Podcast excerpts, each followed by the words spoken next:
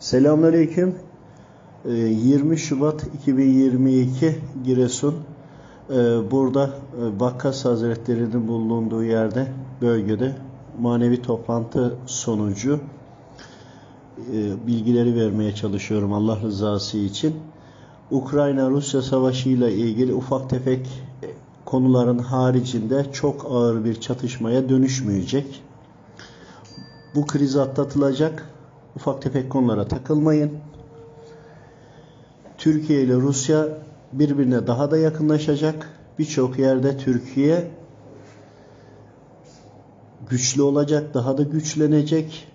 Bununla birlikte bir zaman sonra Ermenistan, bir zaman sonra Ukrayna, bir zaman sonra Azerbaycan ittifak kuracaklar. Bu gayri resmi de olabilir.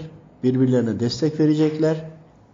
Bu vermeyle birlikte buradaki destek Türkiye ve Rusya'nın birbirine yakın olmasıyla birlikte Ukrayna'yı Türkiye'nin çekmesi, Ermenistan'ı Rusya'nın çekmesi, yine Azerbaycan'ı da Türkiye'nin çekmesiyle birlikte çok ciddi bir altyapı kuracaklar ve bunlarla birlikte bu bölgede ciddi bir yaptırım yapacaklardır.